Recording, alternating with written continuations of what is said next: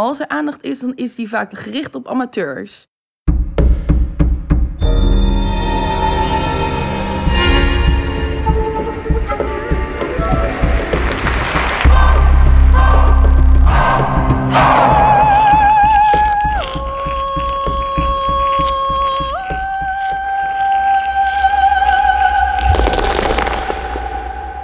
Je luistert naar de tweede aflevering van de Ofkast, waarin ik je meeneem in de wereld van opera. Mijn naam is Emma Leswie. Ik zelf maak theater, documentaires en ik schrijf. En ik ga in deze podcastreeks op zoek naar antwoord op de vraag: wat is dat nu eigenlijk, opera? In deze podcast ga ik in gesprek met een aantal mensen die opera zo te gek vinden dat ze er hun leven aan gewijd hebben. Zoals Sharon Minailo, operaregisseur en begeleider van de studentenprojecten Binnenof, Eleonora Hu, sopraan in de Nationale Opera Studio en winnares van het televisieprogramma Aria. Luc Joosten, hoofddramaturgie van de Nationale Opera. En Laura Roling, ook dramaturg. Welkom allemaal. Eleonora, we beginnen met jou. Hoe ben jij opera ingerold? Oh, nou ja, dat is wel een, uh, een grappig verhaal eigenlijk. Ja, mijn zusje die deed toen ze klein was klassiek ballet. En nou als kleinere zusje moest, ik natuurlijk ook uh, klassiek ballet doen en zo. En toen een keertje ging mijn zus uh, met mijn moeder naar uh, Doornroosje toe. En, um, en ik mocht naar een opera toe, want tegen die tijd hadden we een theatervoorstelling van Frank Groothoff gezien, van Die Zauberfleuten. En ja, dat vond ik zo geweldig. Dus toen was opera mijn ding. En ballet viel af. ja, ballet viel af. Mijn zus die deed ballet en opera was mijn ding. Um, en toen heeft mijn moeder mij meegenomen naar Lucia di Lammermoor. en ja, mijn moeder zelf die, die wist niet waar Lucia over ging. Want ze was zelf ook niet echt naar een opera geweest ooit. Waar gaat het over? Um, ja, nou ja, het is gebaseerd op een, uh, ja, een griezelroman. Een Engelse griezelroman. En het gaat over uh, Lucy of de Lammermoors... die verliefd is op Edgar, of Edgardo in het Italiaans. Maar zij komen uit rivaliserende clans. Dus ze mogen natuurlijk niet trouwen. Het is verboden liefde. En op een gegeven moment um, denkt Lucia dat, uh, dat, het, uh, dat Edgardo er niet meer is. En dan trouwt ze met een andere man. Maar dan blijkt dat Edgardo er toch wel is. En dan wordt ze gek en dan uh, vermoordt ze wat mensen. En, vermoordt ze wat mensen. En daar nam jouw moeder jou mee naartoe. Ja, ja het bloed dat spatte van het podium af natuurlijk. Maar ja, mijn moeder toen al zeg maar in de eerste acte verschijnt er een spook. Um, dus dat was al behoorlijk griezelig. Want hoe en... oud was je toen? Oh, poeh, ik denk een jaar of zeven of zo. En mijn moeder die vroeg nog, ah, we kunnen nu naar huis toe, want het is nu pauze, zeg maar. Dus het is niet erg als we gaan. Je hoeft niet voor mij te blijven. Maar dat wilde ik dan ook weer niet. Dus ik wilde niet weg, maar ik heb wel met mijn ogen en oren dicht gezeten voor een deel van de opera.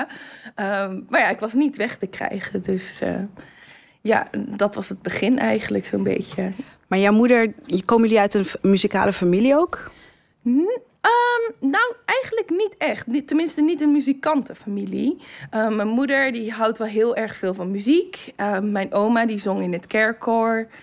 Maar ja, toen ik nog niet eens kon lopen, toen was er een mevrouw naar mijn moeder gekomen in de winkel. En die zei van, mevrouw, ik ben vioollerares.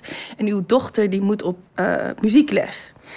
En mijn Zo. ouders die hadden zoiets van, maar ze kan niet lopen. uh, maar zij had mij zien heen en weer bewegen op de muziek. Dus misschien dat omdat er altijd wel muziek werd afgespeeld in huis, omdat het dan toch een beetje daar is begonnen. Maar ja, ik verder voor de rest nooit echt tot latere leeftijd muzikale opleiding gehad of zoiets. En dat begon pas echt toen ik naar het conservatorium ging. Dus tot die tijd was ik altijd zelf aan het zingen. Maar heb je ook uh, een muziekinstrument? Ben je dat gaan spelen of niet? Nee, ik ben echt een uh, zanger. Puur bloedige zanger. Puur bloed, ja. Maar en wanneer ontdekte je... oh, ik kan eigenlijk wel een beetje zingen? Ja, um, toen ik uh, naar de middelbare school ging... toen begon het een beetje te komen. En Sharon, wat maakte dat jij opera wil doen? Hoe ben jij op het pad van opera gekomen? Ik kom uit theater. Ik heb eigenlijk uh, ik heb een acteurs, acteursopleiding gevolgd. Um, in Israël? In Israël, ja. En uh, al bij de eerste jaar heeft mijn moeder bij onze eerste presentatie heeft ze gezegd: Oh, je gaat geen acteur worden. Dus dat was voor mij ook een beetje een soort van verheldering. En het was, ja. ja, omdat ik, ik vond het verschrikkelijk om op toneel te spreken. En gelukkig hadden wij uh, op school een fantastische danstheaterlerares. Uh, dus ik werd heel erg naar het fysiek en danstheater um, toe, zeg maar, toegetrokken. En ik dacht van, oh, dat wordt een genre waarbinnen ik ga werken. En toen ik Nederland kwam studeren aan de UvA... was ik nog heel erg bezig met inderdaad het bewegingstheater. Het Pina Bausch, uh, post-Pina Bausch theater, zeg maar zeggen. En toen heb ik Mahagony van Brecht gehoord met Lotte Lenje, die dat zingt op de opname. En dat was voor mij zo'n zo'n zo'n openbaring eigenlijk. Omdat ik toen begreep, ah, het is, het is een vorm van theater... waarin het gesproken woord niet centraal staat. Dus het... Een vrijheid? De, de, de, het ontbreken van realisme. En dat is misschien wat mij heel vaak in theater stoorde, ook als performer, is dat de zoektocht naar een realistische representatie. En omdat in de opera in, in het echte leven de, zingen de doden niet zoveel. Dan is het opera is per definitie niet realistisch. En deze esthetisch, dus de, de, de verschuiving van realisme en representatie naar representatie door esthetiek, door muziek en beeld, dat is eigenlijk wat mij enorm uh, aantrekt. Was het moeilijk om in die operawereld te komen? Ja, zeker. Ja? Het is, ja, het is omdat het een, een kleine, kleine wereld is. Relatief, uh, als je kijkt in Nederland zijn er dus hoeveel theatergezelschappen zijn er, hoeveel dansgezelschappen zijn er, hoeveel operagezelschappen zijn er. Dus het is gewoon een veel kleinere wereld. Ehm, waardoor dus de macht in meer in, in, in een kleinere groep handen ehm, zit. Niet, niet als een waardeoordeel overigens, maar het is gewoon de realiteit. Dus, uh, maar aan de andere kant weer gelukkig had ik ook uh, mensen zoals Hans Nieuwenhuis en uh, Guy van de Opera Dagen Rotterdam en Transparant, die mij wel vrij snel na mijn afstuderen hebben gezien. En daardoor mogelijkheden gegeven om het te ontwikkelen binnen dus de festivalcontext. Ja, Luc, experiment binnen opera, wordt dat aangemoedigd? Weet je nog toen uh, Sharon begon?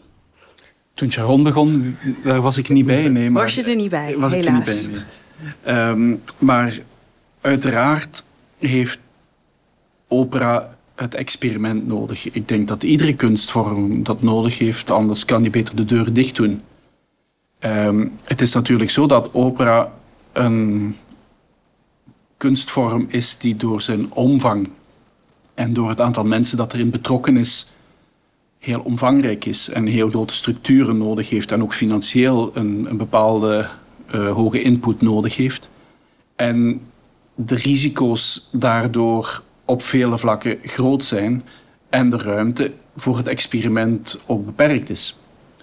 Uh, en het komt er precies op aan om toch binnen die dwang, zal ik maar zeggen, van de structuur en van de financiën en van wat dan ook, uh, toch te blijven zoeken naar hoe dat via het experiment, via het onderzoek, via kunstlaboratoria uh, eigenlijk kan gezocht worden hoe dat die vorm zichzelf kan voeden, zichzelf kan vernieuwen, zichzelf kan uitreiken naar wat er gaande is in de samenleving, uitreiken, kan reiken naar de toekomst enzovoort. Als dat niet gebeurt, dan, um, ja, dan, sterft, die, dan sterft zoiets af. Ja, gelukkig is er Opera Forward Festival. En jij was daar curator, hè? vorig jaar was jij daar nu, artistiek... Nu? Nu. Nu, nu ben jij curator. Nee, ik, ik ben deel van de artistieke team... en ik ben ja. de curator van de, uh, alle partnerschapsprojecten... met verschillende kunstopleidingen. Ja, en wat zie jij voor ogen? Welke kant wil je op? Met, met dit programma bedoel ja. je, met het festival? Ja, het is fascinerend, want ik heb net een hele ochtend uh, sessie, sessie gehad... samen met Ricardo Franse, met onze... Um, uh, dat noemen we Opera Forward Labs en de onderdeel beeldende kunst. Dus ik zat bij het Zandberg Instituut met um, een groep van beeldende kunstenaars en uh, muzikanten uit de Popacademie. En daarmee samen doen we een project. En het is fascinerend om. We hebben net 3,5 uur over uh, een opera waarmee ze bezig zijn um, gesproken en ge, nou, gebrainstormd en ideeën verzameld. En het is fascinerend om te zien hoe een ander proces het is dan het werken met de studenten uit de uh, theaterschool hier. Dus dan de aanpak van deze, zeg maar, beeldende kunstenaars en popmuzici van opera en dus de relatie tussen muziek, tekst en beeld is heel anders dan de mensen die vanuit het theater komen. En omdat ik dat al een paar jaar doe, ook in deze opzichten, zie ik dat er nog voor opera heel veel te winnen valt bij het verspreiden van de krachten van deze kunstvormen en niet het zoeken naar welke kunstvormen van betekenis kunnen zijn voor opera, maar andersom. Wat, wat kan de betekenis, de toegevoegde waarde van opera kan zijn voor bijvoorbeeld installatiekunst, voor performancekunst, voor film, enzovoort, enzovoort. En ik dus die samenwerkingen moedig jij meer aan? Ja, en het laten, dus, dus je laten inspireren door het genre en door de mogelijkheden van het genre um, binnen andere uh, kunstvormen. Daar valt nog heel veel te winnen. Ja, en het geeft tegelijkertijd de mogelijkheid om langs de ene kant door die openheid te zoeken naar een nieuw publiek en, en naar, naar de opera te brengen. Maar tegelijkertijd, en dat is niet minder belangrijk, omdat de operawereld soms een neiging heeft tot een bepaald conservatisme, om ook een uh, publiek dat zich wil vasthouden aan bepaalde verwachtingen van opera, om die ook op een of andere manier uit te nodigen en mee te nemen in een traject waarvan je kan zeggen van kijk, die vorm is eigenlijk rijker dan alleen maar de grote titels en de, of de misschien soms zelfs onbekendere werken van de opera uit de geschiedenis te presenteren, maar eigenlijk alles te presenteren wat er in relatie met andere kunsten, in relatie met de maatschappelijke veranderingen van tegenwoordig, met de nieuwe generatie van kunstenaars en de nieuwe verhalen, wat er mogelijk is binnen die vorm. Eleonora, hoe kijk jij naar het Opera Forward Festival? Wat betekent dat voor jou? Ja, ik vind het zelf altijd hartstikke spannend natuurlijk om uh, ja, te experimenteren. Ik denk dat er voor, om, juist omdat opera zo omvangrijk is in haar vorm en de mensen die, die ze heeft, um, dat er altijd ruimte kan zijn voor zowel vernieuwing als voor het appreciëren van, van de tradities die er al zijn. Um, ik ben het er helemaal mee eens dat eh, inderdaad opera vaak neigt naar een soort conservatisme. En, en... Ja, waar merk jij dat dan aan? Um, in, zeker als je soms de uh, bepaalde artikels leest, dat er een, een hang is naar uh, wat kennen we en uh, die goede oude tijd. En in zekere zin begrijp ik dat heel goed, want het was geweldige, geweldige muziek die er toen werd gemaakt. Maar in welke tijd moeten we dan denken? Um, nou, volgens mij is de, de meest. Uh, uh, de, de, de, soort van het tijdvak waar het meest naar verwezen wordt, moeten we denken aan de jaren 50. Uh, eh, ja, precies. ja, de jaren 50, dat is het ja, in de opera. Ja, en, Toen, en hoe er toen gezongen werd. Toen, eigenlijk werden er toen voor het eerst echt goede kwalitatieve opnames gemaakt. En daardoor is er een soort idee ontstaan. Dat is de gouden, het gouden tijdperk van opera. En sindsdien leven we alleen maar in een soort periode van verval. en zangers zoals toen worden er niet meer gemaakt. En dat is ook voor, voor, voor zangers, is dat denk ik ook uh, soms dat je denkt. Ja, ja, nou ja, het is zeker inderdaad. Um, het kan voelen alsof je in een vijandige uh, omgeving aan het werk bent. Ook als je nieuwe dingen wilt maken, als je wilt experimenteren in hoe je uh, nadenkt over bepaalde concepten van uh, vocale techniek en muzikaliteit, stijlen. Um, maar juist ikzelf wil me juist niet laten leiden door bang zijn voor wat andere uh, mensen hun voorbedachte concepten zijn over muziek. Van hoe, hoe moet het klinken, hoe moet het worden? Nee, ik ben Eleonora. Ik zing um, zoals Eleonora zou zingen. Um, en maar dat klinkt wel als een beetje een angstcultuur binnen. Zo erg is het niet. Nee. nee, het is geen angstcultuur, maar het is duidelijk. En ik denk dat, dat opera daar niet in verschilt van andere kunstvormen ook. Het is een soort van. Uh, uh, in de popmuziek is er drijft ook op een ongelofelijke nostalgie. Het feit dat de Rolling Stones, dat die mensen, die zijn 80 bijna, dat die nog altijd aan het toeren zijn, dat is nostalgie tot en met. En er is ook een soort van angst dat dat ooit dreigt verloren te gaan. Dus dat fenomeen is eigenlijk niet, niet exclusief aan de opera. Het is alleen zo dat je natuurlijk, omdat in de opera het repertoire, dat wil zeggen werken uit het verleden, een grotere plaats innemen, uh, dat, dat dat misschien iets meer aan de oppervlakte komt. Maar het opvallende daarbij is dat men eigenlijk de levende operacultuur die er altijd geweest is en die veel minder behoudsgezind geweest is in zijn praktijk doorheen de geschiedenis, hm. dat die eigenlijk het karakter van de opera echt uitmaakt en niet de jaren 50 of niet de jaren 20 of de jaren 70. Het is echt, eh, de opera is een levend, altijd een levende cultuur geweest, die altijd aan veranderingen en aan vrijheden heeft toegegeven en daarmee aan de slag gegaan is. Sharon.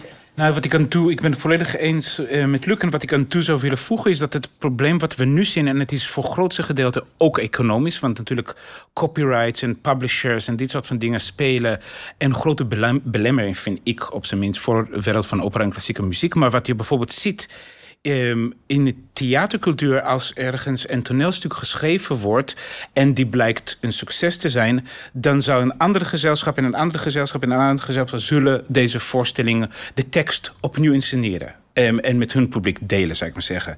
Waardoor een tekst die krijgt binnen een aantal jaren de mogelijkheid om door verschillende mensen geïnterpreteerd te worden. En dan kan werk eigenlijk, dat is de test voor een werk of die dan vervolgens in de kanon of in het repertoire opgenomen wordt of niet. En gek genoeg, met opera gebeurt het bijna nooit. Dus als er een succesvol nieuw werk is, tuurt hij meestal de werelddrone in dezelfde inscenering, met dezelfde interpretatie enzovoort.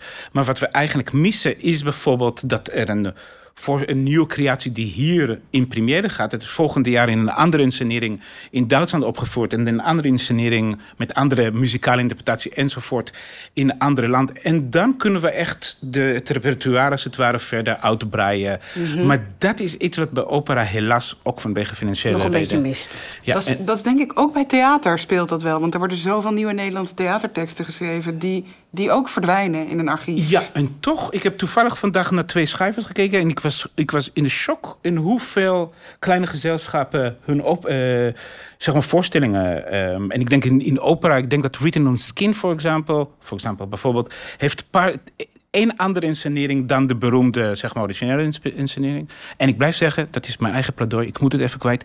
Rosa, A Horse Drama van Louis Anderson. De beste Nederlandse opera dat ooit gecomponeerd werd, naar mijn mening, heeft maar één inscenering gekend van uh, hier in, bij de Nationale Opera.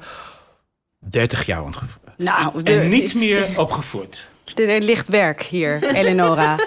ja, zeker. Prachtige sopraanpartij trouwens. Eleonora, hoe komt het dat mensen zo onbekend zijn met opera hier in Nederland? Voor mijn gevoel, ik zie het niet genoeg. Op, op, de, op, op, op tv gewoon. Uh, je hebt natuurlijk speciale operazenders, maar die, die moet je dan extra bijkopen in je, in je tv-pakket en zo. Maar niet zeg maar op de, ja, op, op, op de gewoon Nederland 1, Nederland 2, de, de nationale zenders en zo. Zie je vrij weinig opera. En, en ook uh, voor klassie, wat betreft klassieke muziek. Um, is er vrij weinig aandacht. En als er aandacht is, dan is die vaak uh, gericht op amateurs. Oeh, ik ga eens... Uh, maestro. Wat was dat gebaar? throwing, throwing it out. Um, nou ja, maestro dus in, in, in zo'n geval dan is het uh, van... oh ja, we gaan mensen kennis laten maken met klassieke muziek... maar we zetten mensen neer die eigenlijk niet de vaardigheden hebben om die muziek op haar best te presenteren aan het grote publiek. Um, het is natuurlijk heel interessant om te zien van hoe, hoe pakken mensen dat aan. En uh, ik, ik ga niet te veel over zeggen, maar wat betreft klassieke muziek, als klassieke muziek op de tv is, dan is dat vaak uh, in amateur, amateur en niet dan professioneel. talent en zo. Als ik iets aan toe mag voegen, um, dat is ook natuurlijk ons eigen probleem. Want ik, ik vind sowieso, ik ben mee, ik denk dat we hebben. Um, alle kunsten maken deel van onze dagelijkse leven. Dus film, televisie, mode, beeldende kunst, op Instagram, op alles. Eh, we, we, hebben contact met alle kunsten, behalve klassieke muziek. Klassieke muziek, behalve Philip Glass in een aantal um, car commercials... kom je heel weinig tegen in uh, populaire cultuur... waardoor we die taal niet vanaf, ja, we, kunnen het niet integreren. Het wordt geen onderdeel van onze fysicaliteit. Eleonora, jij hebt een muziekfragment van jezelf meegebracht. De aria Je veux vivre uit de opera Romeo et Juliette. Je zong die in het televisieprogramma Aria. Kun je daar iets over vertellen? Altijd als je zo'n soort aria um, toegedeeld krijgt... dan heb je zoiets van... oeps. Um, want ja, iedereen, zoveel sopranen hebben het gezongen. En, en ja, je, je treedt dan als het ware toe in de, de tempelorde van sopranen die je veux vivre zingen. Um, en dat is best spannend. Uh, en het was natuurlijk ook de allereerste episode. Dus er, zijn heel, dus er waren heel veel dingen om aan te wennen. Überhaupt van de manier waarop het orkest stond. Um, Heb je dan een, iets, een ritueel van tevoren uh, voordat je een podium opgaat? Um, nou ja, we hadden wel wat, wat repetitietijd. Um, maar je moet alles heel snel in je opnemen. En ik zelf had gewoon zoiets van, nou, ik wil gewoon plezier hebben en ik wil goed zingen. Nou, dat goede zingen, voor mij, uh, zeg maar, naar mijn mening, is dat dan vrij moeilijk. Um, maar plezier hebben, dat, dat kan altijd natuurlijk. Um, en ik dacht van, ik ga gewoon vol voor die uitdaging. Dus ja, uh, ik had uh, hakken aan van iets van 20 centimeter hoog. en en een lange jurk en nou ja, een uitdagende camera-regie. Um, ga met die banaan. ik doe mijn best, maar. En ja, en dan uiteindelijk kom je een beetje zo in zo'n groove en dan vergeet je alle moeilijke dingen om je heen. En dan ga je gewoon op in die, in die muziek. En dan ben je toegetreden. Ja, dan ben je toegetreden. We gaan luisteren.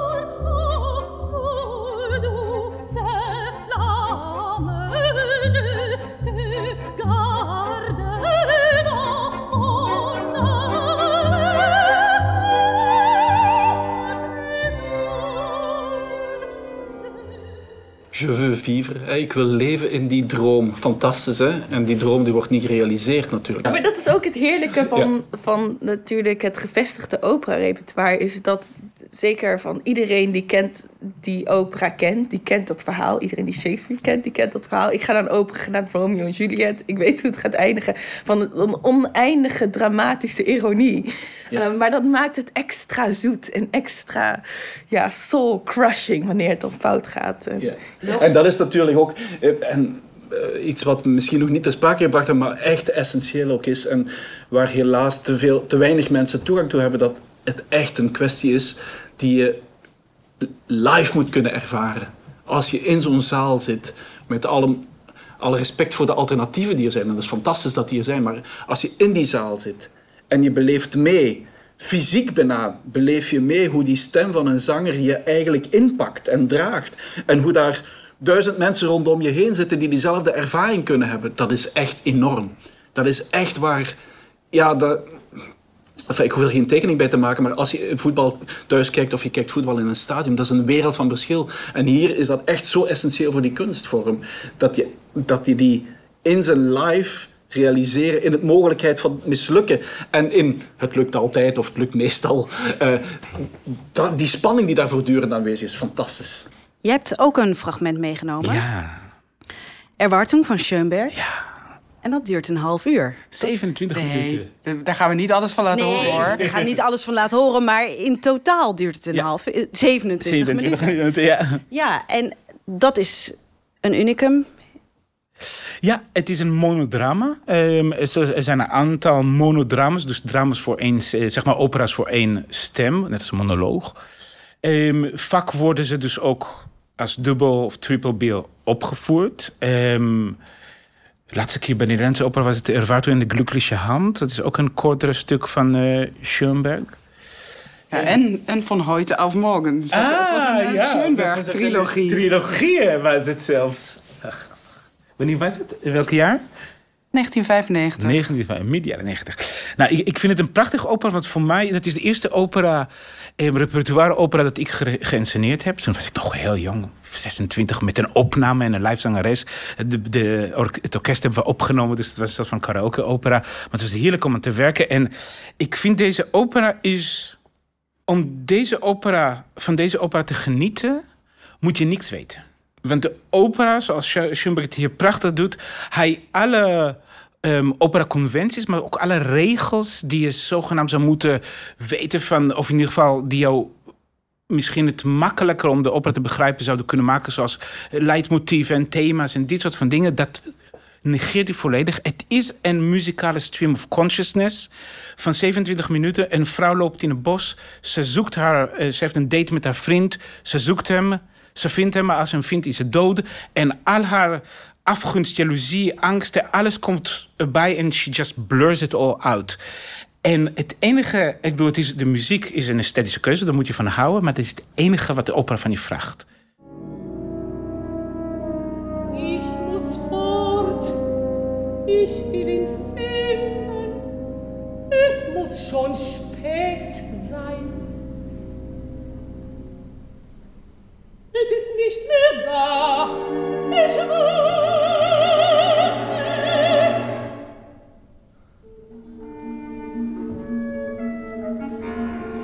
ist noch da. Herrgott im Himmel.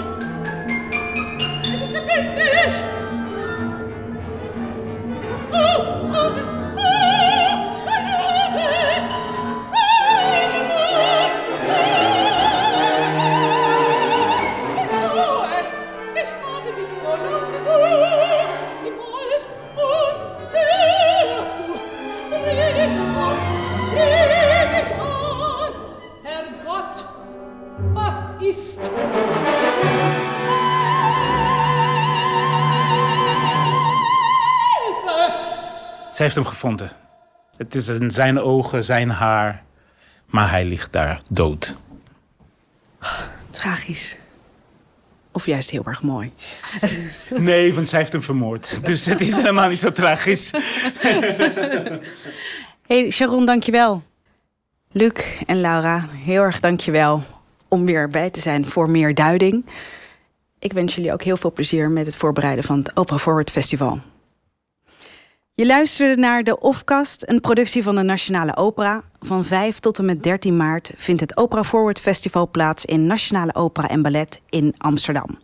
Je ontdekt er wat opera allemaal nog meer kan zijn. En voor meer informatie en tickets bezoek operaforward.nl.